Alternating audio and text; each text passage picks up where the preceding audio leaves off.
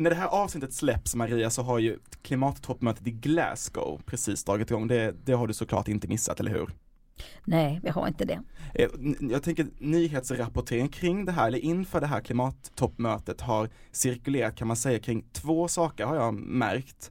Eh, som har liksom dominerat nyhetsrapporteringen. Den, den ena frågan som har liksom skapat eh, rubriker är såklart om Kinas president Xi Jinping kommer att delta i mötet. Det vet mm. vi inte än eftersom att vi liksom spelar in det här ett par dagar innan mötet äger rum.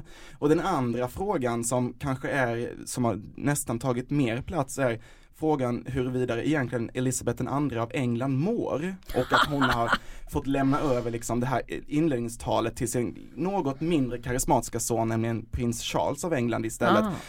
Vilken av de här två frågorna som har tagit stor plats i nyhetsrapporteringen tycker du är mest avgörande för att det blir ett lyckosamt möte i Glasgow eh, nästa vecka?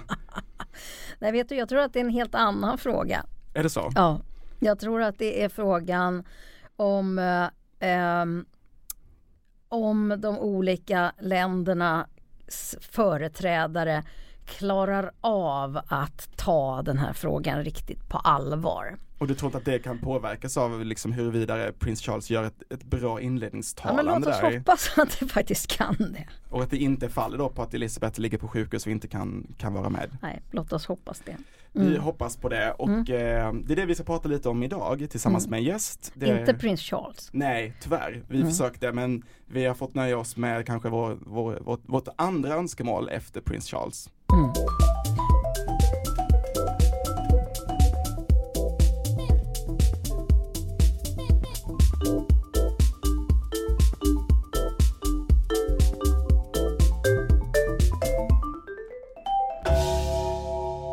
hälsar vi våra lyssnare välkommen till ett nytt avsnitt av eh, podden Klimatgap som utforskar gapet mellan kunskap och handling. Och det har ju gått en liten tid, men nu är vi alltså tillbaka. Maria Wollratz Söderberg på andra sidan bordet. Hur mår du? Ja men jättebra och jag har längtat efter dig ja, men det, är, Detsamma, det är detsamma. Ja. Vi hoppas att våra lyssnare också har längtat eh, efter oss och att ni har kanske, jag vet inte, botaniserat er i gamla avsnitt helt enkelt. Jag vet inte vad ni har gjort under den här tiden. Hur Nej, är tillvaro... Jag tror att de har kört våra gamla avsnitt på repeat. Ja, vi, vi, har sett det på lyssningen, de bara ökar och ökar från avsnitt ett och framåt. Ja, men det är jättekul att se, det är full aktivitet och mm. samtalet fortsätter ju såklart om klimatet fast att vi inte har pratat på länge. Men nu är vi alltså tillbaka, eh, dock lite osäkert hur det kommer se ut framåt när vi dyker upp. Så vi kommer dyka upp som ett brev på posten helt enkelt brev på posten Isak, det betyder att någonting kommer direkt. Det kan man inte riktigt lova. Nej, det uttrycket har ju tappat sin, eh, sin mening på något sätt på senare tid. Ja, eller så har du fyllt den nu med ny mening för nu kan man inte lita på, lita på om brev kommer direkt. Nej, men det kanske var ungefär det jag ville säga. Ja, vi kan, inte, vi kan inte lova ett avsnitt i veckan helt enkelt, Nej. men vi, vi kommer dyka upp så småningom. Ja, ja, när man minst anar det. Precis, det var det jag ville säga. Ja. Men vi, vi är inte helt ensamma idag Maria, eller hur? Nej, vi har med oss en gäst. Men innan vi välkomnar denna gäst så vill jag bara ta upp någonting varav hjärtat är fullt. Och just nu för mig så har jag varit väldigt upptagen med vad som händer i svensk politik apropå koppen här. Och, och det började med att jag blev ombedd att kommentera partiledardebatten i, i tv. Och det var faktiskt en fruktansvärd upplevelse. För det var rena pajkastningen. En du då var ett vanligt argument. Eller ja, men det var du som började. Det var den nivån. Men det värsta var faktiskt inte det utan det som inte sades. Nämligen att vi måste ändra livsstil. Utan det var fokus på elektrifiering, elektrifiering, elektrifiering och biodrivmedel. Och så lite kärnkraft. Men ingen, säger ingen, lyfte att vi måste konsumera mindre, avstå eller kanske till och med uppoffra oss. Och programledarna frågade om och om igen hur partierna tänkte kring att vi faktiskt måste åstadkomma minskningar på mellan 6 och 10 procent per år. Eh, så, som de sa. Men partiledarna svarade återigen med bara tekniska lösningar som tar decennier. Det var liksom en tävling i att begära så lite som möjligt av medborgarna. Och till slut så frågar man politikerna hur de tänkte sig att vi nu eh, vi, att vi faktiskt ändå med Corona hade lyckats fatta allvaret och också accepterat ganska stora inskränkningar. Kunde de tänka sig liknande inskränkningar med tanke på klimatkrisen? en enda person räckte försiktigt upp, inte handen utan ett finger. Det var Per Bolund. Nästan väntade på att någon annan skulle hänga på men tji fick han. Men sen backade han och sa att det kommer ändå inte behövas eftersom Eh, det kommer vara så frestande och lockande med alla nya tekniska lösningar så att vi behöver inte inskränka vår livsstil. Och då kände jag mig helt vanmäktig. Och på något vis uppfattar jag att politikerna är livrädda för att liksom kräva något av väljarna. Och vad tänker du om det? Dagens gäst Staffan Lestadius som är professor emeritus i industriell utveckling på KTH. Ja, jag delar din uppfattning förstås. Eh, du känner dig vanmäktig. Jag brukar formulera mig som så att det här är svårt, det är utmanande. Det finns, jag tycker mig ibland se en strimma av hopp som är namnet på den bok jag nyligen kommit ut med. Men när jag hör de här typen av debatter så tycker jag att den där strimman blir allt smalare och smalare. Så jag delar din uppfattning på det. Eh, det är ju så att om vi släpper ut så vansinnigt mycket växthusgaser som vi nu gör och att vi vet att vi måste minska dem med, jag brukar säga 7% om året minst. Det är väl ungefär det. Och under det här decenniet så är det ju en enorm utmaning om man samtidigt säger att vi ska öka konsumtionen och öka efterfrågan med upprätthålla en tillväxt på 2-3 procent om året. Så att eh, det, politikerna, våra ledande politiker borde få komma ut på, ur sina garderober om är ju då hur tänker de kombinera det? Vi vet att vi måste minska, reducera utsläppen. Hur tänker de, varför vågar de då inte säga att det kan ju ha en viss inverkan också på konsumtionen mm. och den allmänna aktivitetsnivån? Men, man kan ändå säga, tycker jag, Staffan, att man kan tycka sig se ändå att klimatdebatten intensifieras och får ta mer plats och, och de här frågorna segla upp som allt mer viktiga politiska frågor. När du hör de här debatterna som blir fler och fler, allt fler politiska partier vill utmåla sig som det enda klimatpartiet och så vidare ger det dig mer eller mindre hopp av att höra de här debatterna liksom? Blir du, liksom, eller blir det bara ännu värre av att höra politikerna sitta i sandlådan och kasta sand på varandra? Ja, alltså det är en högsta grad relevant fråga. Ibland blir jag nästan mindre hoppfull. Jag uppfattar delar av det här som en skendebatt. Och det är det som gör den så ledsam. Eh, för att på något sätt vill man ju, man är ju tvungen nu inom den, våra, bland våra ledande politiker att visa att man tar klimatfrågan på allvar. Alltså så kommer den med allt mer och mer och det kommer den ju nu att dominera under tiden under Glasgow-mötet här och även en tid efteråt. Men problemet är ju att är, man lurar ju möjligen sina medborgare om man eh, på det här sättet går ut och säger sånt som inte håller. Mm. Och eh, det som inte håller i, den, i väldigt många av våra politiska löften nu är ju för det första de väldigt avlägsna tidshorisonterna. Det är väldigt lätt för en person nu att säga hur målet ska se ut. Att vi ska ha nollutsläpp 2050 eller 2045. Man kommer ju inte vara med och fatta de besluten. Mm. Och det är ett exempel. Utan man, därför borde man ju låta koka ner det här till årliga mål. Jag brukar hävda mitt mantra snarast är 7% Det finns de som säger att det inte är tillräckligt, men om vi börjar börjar på 7 nivån så har vi i alla fall visat att vi är på, på, på väg åt rätt håll. Men det vågar man inte säga. Och så har vi då det där med att man inte vågar säga att det här innebär att fossilbaserad konsumtion måste reduceras.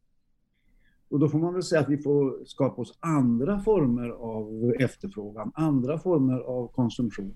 En postfossil välfärd ska se ut på ett annat sätt. Mm. Men det vågar man inte ta itu Precis som Maria sa. Nu tycker jag att du har sagt eh, åtminstone tre saker som jag tycker att vi måste prata om i det här samtalet. Det ena är tidsperspektivet. Eh, och det andra är eh, mod. Eh, och det tredje handlar om målkonflikter. Och kanske också om paradigmen. Eh, för att eh, det är någonting som jag vet att du har skrivit om. Alltså idéer om hur livet ska vara och vad som är självklart. Mm. Men låt oss börja lite grann med det här med tidsperspektivet. Och du skrev en artikel som publicerades i DN häromveckan som har gått som en löpeld i sociala medier. Jag vet inte om du vet om det Staffan, men den har blivit väldigt kommenterad och delad. Ni som inte har läst den, leta på den i DN Debatt. Eh, och jag fick faktiskt... Ursidan i DN, det var inte DN Debatt. Nej, ja, vad sa du att det var i? Kulturdelen. Ja, det var kulturdelen. Det var kultur... Men den var dubbelt så lång som en DN Ja, den var väldigt, eh, eh, väldigt eh, komplex och klargörande tycker jag. Matig. Matig. Och när jag läste den så fick jag trots att jag är rätt insatt tycker jag i de här frågorna så fick jag ändå kaffet nästan i vrångstrupen när jag läste att sedan 1992, det var då de globala klimatförhandlingarna inleddes, så har de samlade utsläppen varit lika stora som under mänsklighetens hela tidigare historia. Och det är som att vi på något vis glömmer tidsperspektivet bakåt. Du nämnde det framåt, vi återkommer till det. Men om vi tittar bakåt, 92, då var jag 25 år. Jag hade nyligen fått en liten dotter. Jag tyckte inte att vi levde ett torftigt liv då. Eh, men nu har vi kommit att se en massa saker som normala som inte fanns på eh, den vardagliga dagordningen då. Och det är som att vi har glömt att det faktiskt går bra att leva med ungefär hälften eller en fjärdedel så mycket resurser. Men så glömmer vi tidsperspektivet framåt också, som du påpekar. Eh, när vi pratar om elektrifiering eller carbon capture and storage eller nya kärnkraftverk att det tar flera decennier eh, att eh, eh få till stånd och skala upp sådana tekniska lösningar och så skjuter vi liksom omställningen på framtiden. Och hur ska vi tänka kring det här med tidsperspektiv? Varför är det så svårt för oss? Ja, för det första så är det ju så det här med storleksordningen att eh, vi har släppt ut så mycket sedan förhandlingarna började. Det är ju en konsekvens av eh, ränta på ränta. Mm. Om man har en procentuell ökning i storleksordning 3% om året så rusar det iväg.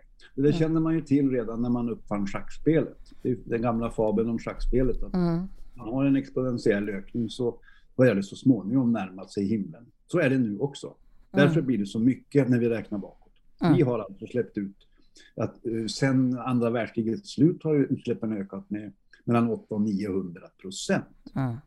Så det är bakåt. Och, och det det är liksom en sak. Men vänta ett ögonblick Staffan. Det var ja. någon som sa så här att ett av problemen, jag vet faktiskt inte vem det var som sa det, eh, är att eh, när man, har, när man har tänkt kring tillväxtens välsignande egenskaper så har man glömt bort att man, att man har glömt bort kunskapen i att räkna exponentiellt. Eh, var, det, var det kanske rent av du som sa det? Det var en så bra poäng tycker jag. Ja, nej, alltså räntan på ränta, mm. den exponentiella tillväxten mm. gör ju att det ökar snabbare och snabbare i totala, mm.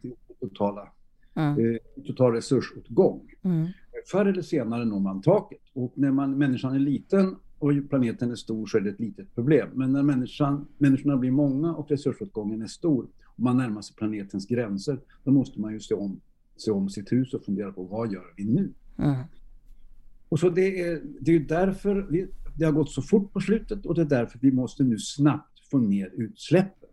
Och när du tar upp tidsperspektivet så tror jag vi har två tidsperspektiv här som våra, väldigt många av våra ledande politiker glömmer eller blandar ihop. Det ena är att vi har nu nått en nivå så att vi måste snabbt reducera utsläppen. Mm. Det är med 7% om året. Och det måste ske nu under det här decenniet.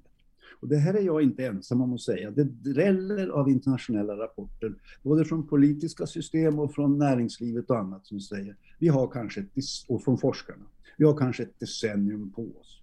Eh, FNs miljöorgan sa att vi har, hon som är ordförande där, eller chef, sa att vi har åtta år på oss att se till att vi kommer igång ordentligt med utsläppsreduktion. Det är alltså det på kortsiktiga. Mm. Och det måste ju då ske med den teknik vi har nu, med den kunskap vi har nu. Det är ingen teknisk fråga, det här är en politisk fråga att ställa om. Mm. Sen, när vi har kommit igång med det och börjat fixa det, då får vi ju liksom ta itu med hur ska det se ut efter detta då? Mm. Alltså, hade det varit krig ska vi säga vi måste först vinna kriget och sen ska vi ta itu med freden. Mm. Det gäller liksom att rusta det nya postfossila samhället. Då har vi lite mer tid på oss när vi har fått ner utsläppsnivåerna. Det är då vi kan börja fundera på, eh, det är då vi ska ta itu med, börja nyttiggöra de nya teknikerna som vi utvecklar under tiden. Så att vi ska inte sluta utveckla morgondagens teknik. Det är nu vi ska utveckla men den ska, vi kan inte ställa vår tillit till att den ska lösa dagens problem. Morgondagens teknik kan inte lösa dagens utsläppsproblem. Mm. Det är det fundamentala. Ja, det låter ju väldigt enkelt när du säger det, men varför är det så svårt då? Ja, det är ju inte svårt. Alltså, det gäller av folk som utvecklar morgondagens teknik och de jobbar på och de bör få allt stöd i världen. Nej, det var inte det. Men varför är det så svårt med omställning då? Alltså, varför är det så svårt för våra politiker att ta det här ja, ansvaret? Väldigt många, de allra, allra, allra flesta av våra mm. politiska ledare har inte vunnit sina karriärer på att uh, dra ner, utan de har vunnit sina mm. karriärer på att fördela en tillväxt. De vet eh, har inte satt sig in i frågan om hur man ställer om på det här sättet. Och väldigt många av våra ekonomer, nästan alla ekonomer, är ju uppfödda under den här stora accelerationen efter andra världskriget. Man har inte upplevt de stora och fundamentala problemen med omställning. Och det här är ju lite intressant. Jag menar, före andra världskriget så var eh, huvudproblemet inom, bland ekonomer det var hushållning med knappa resurser vad man pratar om. Mm. Nu är det ju allt mer att man fördelning av växande resurser. Mm. Och det håller inte längre. Utan det, vi måste tillbaks till hushållning mm. med knappa resurser. Men du, är det... Ja, förlåt. Ja, men jag tänkte bara på en spännande mm. sak du sa där Staffan, just eh, kopplat till politikernas eh, liksom, handlingskraft i det här. Eh, det var också en, en annan intressant klimat, eh, ett klimatdebatt, en klimatdebatt där det var de klimat politiska föreståndarna för varje parti som, som blev liksom på något sätt utfrågade och då var det en företrädare för ett parti som, som sa helt enkelt att ja men vilket samhälle är det våra väljare vill ha? Vill våra väljare att det ska eh, kosta så här mycket med bensin eller vad argumentationen var? Och det, det fick mig ändå att fundera lite på kopplat till att vi ändå på något sätt kritiserar lite politikernas eh, eh, slöa hand i den här frågan. Har vi gett rätt mandat till politikerna då? Att liksom, känner politikerna ett mandat från väljarna att vi vill ha en omställning eller liksom börjar problemet kanske redan med oss helt enkelt? Mm.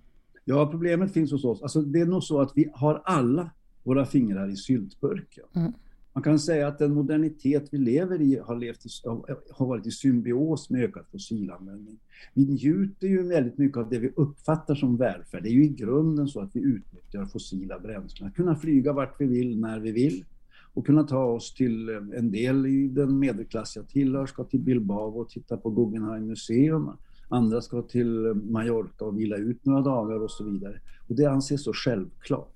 Så att vi är ju alla fast i detta och det gör att det är ju väldigt svårt också för våra ledande politiker, vi ska inte bara skälla på dem här då, det är väldigt svårt för dem att komma och säga, komma med, med tuffa budskap. Och här, men här menar jag, demokratins roll är ju inte bara att sträcka upp ett finger och lyssna åt vilket, och känna efter åt vilket håll vinden blåser. Det gäller också att påverka väljarna och medborgarna i rätt riktning. Och jag brukar hänvisa till många till alltså skickliga politiker, också skickliga politiska retoriker. Och de ska liksom ta över och visa att det här är inte hållbart. Mina favorituttalanden. Eh, President Kennedy han kunde ju då säga till amerikanska folket att vi gör det här inte för att det är lätt utan för att det är svårt.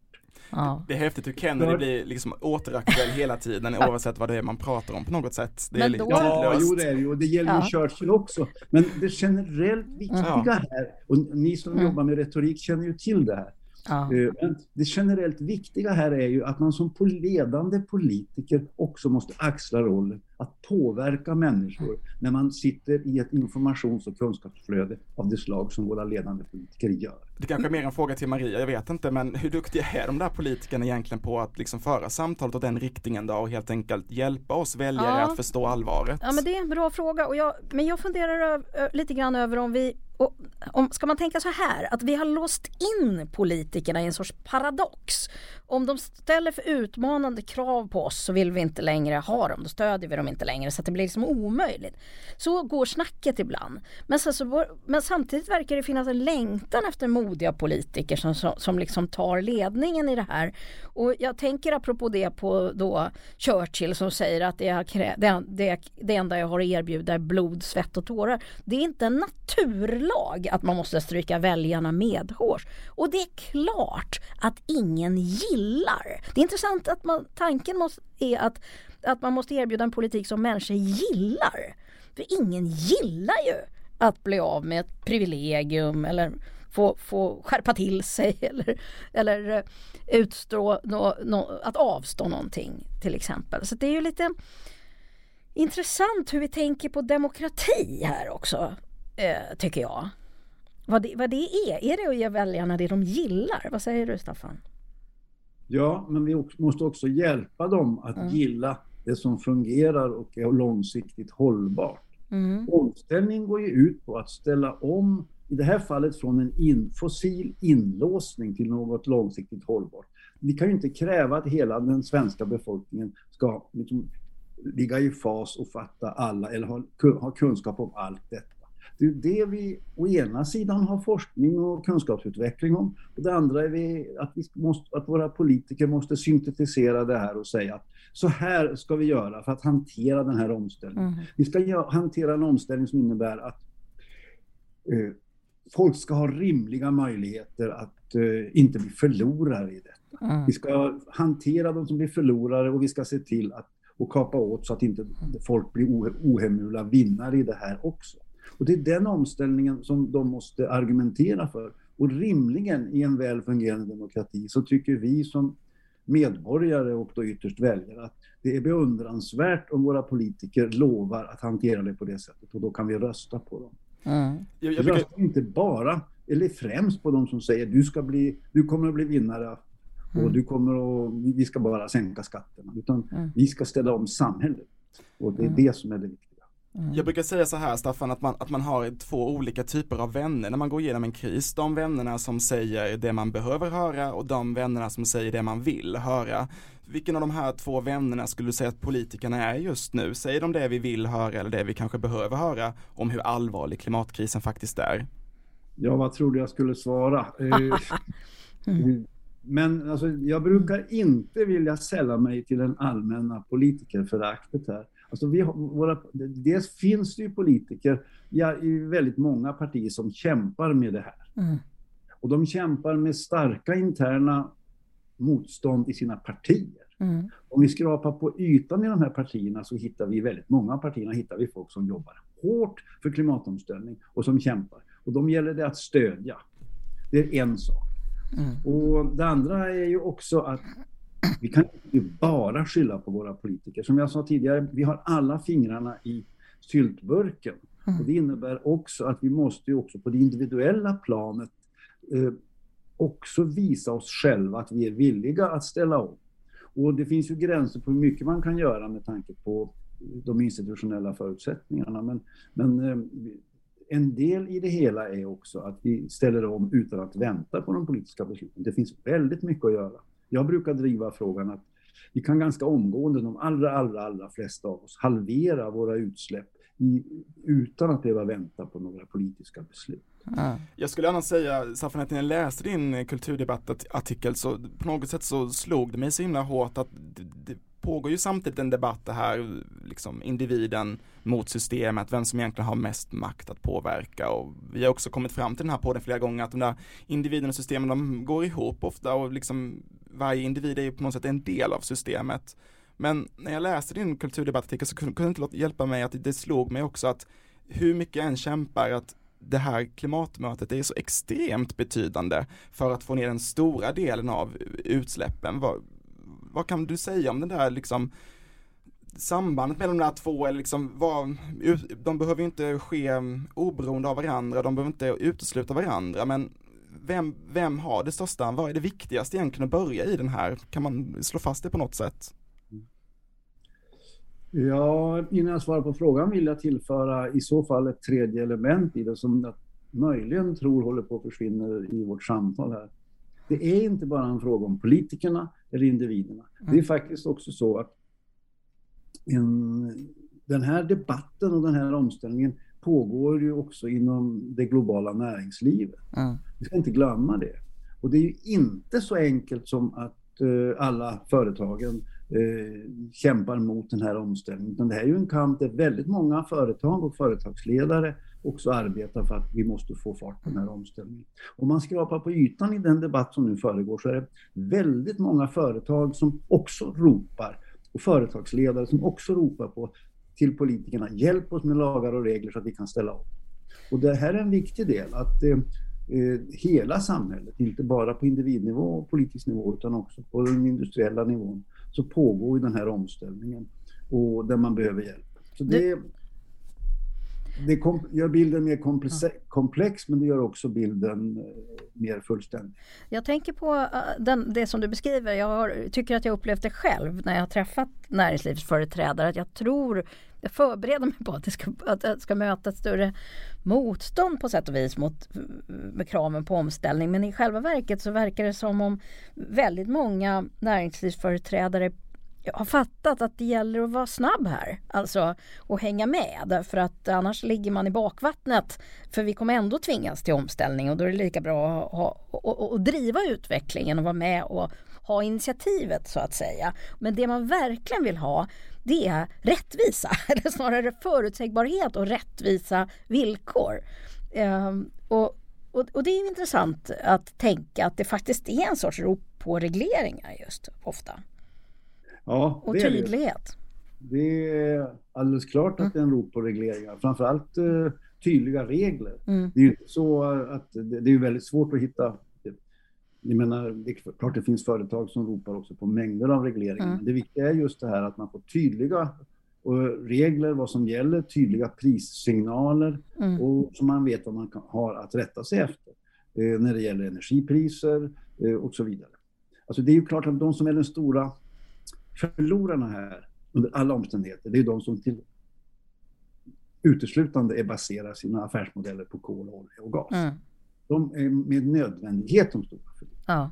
De som sen har tekniker där man kan ställa om bort från det, mm. de kämpar ju med hur man ska göra det. Bilindustrin är ett exempel mm. på det. Eh, men sen finns ju det, och som jag brukar ägna mig åt, det är ju att en del av förlorarna är ju sånt att deras verksamheter kanske försvinner eller måste ändra karaktär. Ja. Vi har ju flygbolagen till exempel som ju, det är ju kommer vara omöjligt att upprätthålla flygning på den nivå som vi har haft hittills. I, det kommer inte att finnas bränsle för det, alltså förnybara bränslen. Och det, det, är ingenting som jag säger enbart. Financial Times hade i förrgår en fullständigt lysande artikel om flygbolagens orealistiska föreställningar. Mm. Som ett det gäller ju bilindustrin också som nu kämpar hårt för att ställa om. Problemet är väl att vi kan inte framdeles räkna med att vi ska ha så många, så stora eh, bilar i framtiden. Så mycket förnybara energiformer kommer vi knappast att få fram. Mm. Och, och, varför, varför det? Alltså jag, jag, jag, jag är insatt i svaren men jag tycker ändå att det är intressant att höra dig elaborera det. Var, var, varför kan inte bara flyget eh, gå på biobränslen. Men då går vi tillbaks till tidsaspekten mm. först. Eh, om 84 procent av all energiförbrukning är fossilbaserad och bara några enstaka procent är förnybar. Om vi ska ställa om på en 7-8 år så är det ju fullständigt uteslutet att bara liksom byta bränsle i tankarna från det fossilbaserade till det förnybara. Så snabbt kan man inte öka det förnybara. Mm. Det är liksom den ena frågan. Ja. Och det innebär ju att um, man måste sänka aktivitetsnivån på de system som är extremt fossilbaserade. Mm. Dit hör flyg, dit hör också bilar. Mm. Sen har vi en liten uh, klurig del i din fråga, för du avslutade med att säga biobaserade. Mm. Och det här är ju en uh, källa för mycket diskussion, inte minst i svensk debatt, men också internationellt. Uh, på kort sikt så är det ju så att även en explosionsmotor som drivs med biobränsle släpper ut koldioxid. Mm. Den bidrar alltså till klimatkrisen. I bästa fall och under vissa förhållanden, om det sen växer ett träd i framtiden så kommer det absorbera samma mängd koldioxid. Men det trädet kommer att växa på 30-talet, och 40-talet, och 50-talet och 60-talet. Och då är det lite för sent ur omställningssynpunkt. Mm. Det finns en del andra aspekter på det också. Kanske är det, eller det är så att vi, biomassa är nästan det enda vi har. Det ska vi bygga hus med och det ska vi använda till det ena och det andra. Så vi måste ju hushålla väldigt, väldigt mycket. Och då uppkommer frågan, det viktigaste sättet att använda biomassa, även om vi skulle göra, kunna göra det på ett förnybart sätt, är det verkligen att köra stora 2,5 ton tunga bilar? men, men Staffan, det här som du säger nu och, och eh, hela det här samtalet. Jag tycker hela tiden det kommer tillbaks detta att, det att vi vill ha allt och att vi, nästan, att vi har svårt att tänka att vi inte kan få det. Ja, eh, det, är, det är ju ja. julaftonsteoremet. I valet ja. mellan det och det andra tar jag både och. Ja. Så att, så att eh, flygindustrin säger att vi ska köra, vi kan köra, fortsätta köra våra flygplan nu. Det går snabbt att ställa om till biobränsle. Mm. Alla som nyligen har köpt en stor tung SUV som ju är en mycket stor del av världens ökning av, bi, av, av koldioxidutsläpp på slutet. De vill ju inte att värdet på den suven ska minska, så de vill ju helst då snabbt ställa om lite grann och så börja köra på biobränsle. Mm. Och, eh, det, det, är lätt att räkna att så mycket biobränsle kan vi inte få fram så att vi behåller hela flyget och hela bilflottan.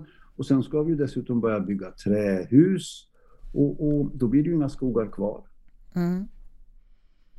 Men, men, men det är som att det här inte riktigt är närvarande i diskussionen eh, utan att jag tänker på de här eh, partiledardebatten som jag började med att, att, berätta om min vanmäktighet inför. Jag, precis som du så vet jag att det också finns människor inom i politiken som är, har en mycket realistisk bild av detta. Men det, det är ändå talande att det verkar som att man inte tror att folket eller lyssnarna på en sån här tv-sänd partidebatt kan ta budskapet att det faktiskt finns målkonflikter och att man inte kan få allt.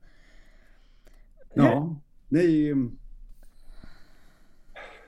Du har förmodligen rätt. Det är klart att man kan formulera det här som målkonflikter. Men man mm. kan också formulera det här som en krigssituation. Ja. Eh, att, eh, ja, då har man inget val.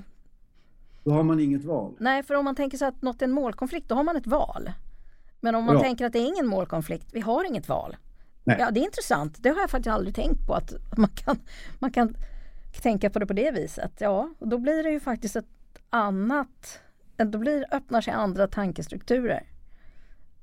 Och då kan man legitimera naturligtvis att vi måste göra en snabb omställning. Ehm, men eh, hittills har det varit svårt att få gehör för den ståndpunkten i den allmänpolitiska debatten, att krisen är så djup. Men det har gått väldigt fort. Alltså om man följer som jag har gjort under de senaste åren, faktiskt eh, över ett decennium, eh, rapporteringen, även forskningen, så visar sig att just de senaste åren har det gått väldigt fort med klimatkrisen har fördjupats väldigt snabbt. Och det innebär ju att eh, min, vi är redan sent ute att ta, ta de stora besluten. Ja. Eh, så att ehm, jag skulle nog kalla, kalla, karaktärisera det här som en, i det närmaste en krigssituation. Men det är intressant, för i krigssituationer så är man ju beredd att uppoffra väldigt mycket. Man kan till och med skicka ut sina egna barn i krig. Och, och, och, och, acceptera saker som man aldrig annars skulle acceptera. Men det är inte också farligt att tala om någonting som en krigssituation? För att just demokratiaspekterna tenderar ju att hamna i skuggan om det är så krisartat som en krigssituation. Men det har ju diskuterats mycket efter andra världskriget. Jag menar de mm. stora demokratierna, Storbritannien och Förenta Staterna med mera.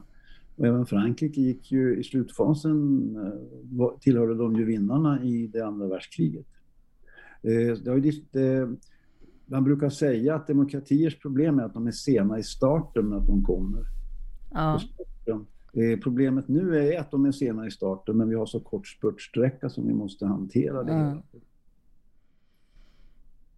Ja, jag tänker ibland att en väldigt snabb uppväxling av, av eh, engagemanget är vad som också kan rädda våra demokratier. Därför mm. att de på allvar är i fara om det blir på ett sånt sätt så att så, uh, om det blir väldigt orättvist och om klimatkrisen gör att, att uh, uh, vissa folk och vissa länder får utstå stora uppoffringar på grund av andras konsumtion. Då har vi ju eh, väldigt hotfulla situationer kan man tänka sig och att det, att det verkligen skulle kunna vara ett hot mot demokratin. Att man just därför måste vara väldigt rädd om den och använda mm. den gott. Ja, men dessutom har vi ju att vi kan ju inte utesluta mm. och, och, eh, att eh, dels att det går väldigt fort, att kris, kriserna kommer väldigt fort. Eh, jag har ju... Och då, då, är det ju in, då är det ju så att vissa kommer ju att drabbas mer än andra, vissa länder, vissa människor och så vidare. Och vi är ju då i i en situation när vi dels har haft, vi har väldigt många människor som är oroliga över vad som händer. Och vi har väl också under senare decennier fått en kraftigt ökad ojämlikhet i världen. Mellan, eh, inom länder och mellan länder. Och det gör ju att eh, det kan ju vara svårt att få acceptans att ta till drastiska åtgärder om allt fler människor upplever att de är svåra att övertyga om att de inte kommer att bli förlorare. Ja, vad gör man åt det då? Ja, jag menar ju att politiken måste kombinera för att få acceptans för stora kraftfulla åtgärder måste politiken kombinera att eh, jämlikhetsskapande åtgärder med klimathanterande åtgärder. Eh, där jag tror att vi kommer att få väldigt mycket konvulsioner. Det gäller migration. Sa du konvulsioner eller konventioner? Konvulsioner. Konvulsioner. Ja. Jag tror att folkvandringarna är bara i början av var de kan landa om vi inte snabbt kommer åt utsläppen. Ja. Det här är jag inte ensam att tro. Eh, man, jag, jag läste så sent som igår en eh, helt färsk rapport från den här kände eh, klimatekonomen Nicolas Stern. Han pratar om att det kanske är hundratals miljoner, kanske en miljard människor som snart är på drift. Och då är flyktingkrisen 2015 som piss i havet. Det är precis. Ja. Mm. Och det här är ännu inte för sent att stoppa, men alltså det här visar på att vi går mot... Det finns risk. Sannolikheten för det kan man inte uttala sig om, men alltså det är nog fler än jag som funderar på det. finns risk att vi går mot mycket stora migrationsströmmar om vi inte snabbt lyckas hejda den klimatförstöring som vi nu har. Och då får vi ohanterliga politiska situationer. Det här som du pratar om som hände då vid, vid eh, när, när Parisavtalet slöts. Eh, det var väl, var, kan man beskriva det som att man satte en ny diskurs? Och diskurser har ju att göra med paradigm, det sa vi ju att vi ville prata ja. lite grann om. Och jag, det finns en, en, en, eh, forskare som heter Donella Meadows som har pratat om, som har skrivit om eh, points of in, points, places to intervene in a system. Alltså vad är det som verkligen gör att man åstadkommer förändringar på riktigt? Och då lyfter de fram just paradigmen som någonting väldigt centralt. Uh, och om vi vill åstadkomma paradigmförändringar, ja då blir det kanske viktigt hur vi talar om saker och ting. Vad är det för paradigm som behöver utmanas och vad behöver de ersättas med? Ja, nu skulle vi ha varit i början på samtalet. Ja. För att reda ut detta. Ja. Eh, men jag tror i, i hård sammanfattning så är det så att vi har uppfattat att efterkrigstiden har inneburit decennier av ökad välfärd, ökad utveckling. Vi pratar ständigt om utveckling och vi har glatt oss åt tillväxten. Eh, men eh, vad vi nu ser är att i väldigt stor utsträckning så var det här en fråga om inlåsning i ett fossilsamhälle. Paradigmskiftet är helt enkelt att finna en väg bort från inlåsningen in i en ny form av välfärd som är fossilfri. Och hur det ska se ut, det behöver vi mer än ett samtal för att reda ut. Ja, vi får ta flera samtal. Men du, kan man prata om in, jag brukar tänka att det är, du använder ordet inlåsning, jag brukar tänka att det också är ett lån. Vi har liksom levt på lånade resurser på något sätt. Kan man tänka så? Med dålig ränta då? ja, eh, ja det, de utesluter inte varandra. Nej. Men inlåsning tycker jag ligger närmare till här. För att mm. vi har, för varje år som går när vi så att säga har ökat vårt fossilberoende, mm. vi kommit längre och längre in i en allt smalare tunnel. Det blir allt svårare att ta oss mm. ur. Mm. Oberoende av hur mycket ränta vi har betalat. Mm. Staffan, många av de här grejerna vi har pratat om nu som är jätteintressanta är faktiskt inte ens saker som ska diskuteras i Glasgow eh, faktiskt. Konstigt nog vet jag att du tycker baserat på den eh, kulturdebattartikel som, som du skrev. Jag skulle ändå bara vilja påbörja ett avslut på det här samtalet med att ja. leda oss tillbaka till den fråga jag ställde till Maria. Fast jag ska omformulera den lite för jag antar att du inte kommer säga att Prince Charles tal kommer avgöra att det blir ett lyckosamt möte. Men det skulle kunna vara att Kinas närvaro såklart på mötet kan vara en viktig komponent. Men vad skulle du annars säga är liksom det bästa resultatet som det här klimattoppmötet i Glasgow kan komma fram till? Ja. Jag lyssnar på din suck innan ditt svar, jag vill bara Bra, uppmärksamma bra. vad jag lyssnar på den. Jag tror att bara för om jag snabbt eh, erinrar om Parismötet. Det gav inte så väldigt mycket rent konkret i resultat. Men det, det skapade en agenda. Efter Paris så pratar vi om en och en halv graders målet, vi pratar om två graders målet. Länderna har nationally determined commitments, är vad de ska göra, som man kan kritisera och så vidare. Så det, den intellektuella agendan förändrades framför allt efter Parisavtalet. Vad vi nu står inför är att nu måste vi alltså få göra verkstad av det här. Och hittills har vi inte sett tillräckligt. Alla rapporter nu pekar på att den verkstad som länderna utlovar är otillräcklig. Men det kan ju hända någonting att några länder skärper sig. Så i, in, jag tror inte tillräckligt stor utsträckning, men jag tror att det kan bidra till en mera intensiv debattagenda efter Glasgow. Jag skulle vilja avsluta det här mötet Staffan med att ni har ju så fint citerat både, både John F Kennedy och Churchill under det här samtalet. Jag skulle vilja avsluta med Obama och fråga dig helt enkelt eh, Yes we can, can we? We have to. Tack så mycket Staffan Lestadius för att du gästade Klimatgap, en podd som produceras av Södertörns högskola. Tekniker var Victoria Messerant och producent var Ulf Larsson. Och tack till dig Maria. Oh, tack. Tack så mycket. Vi ses igen. Det gör vi.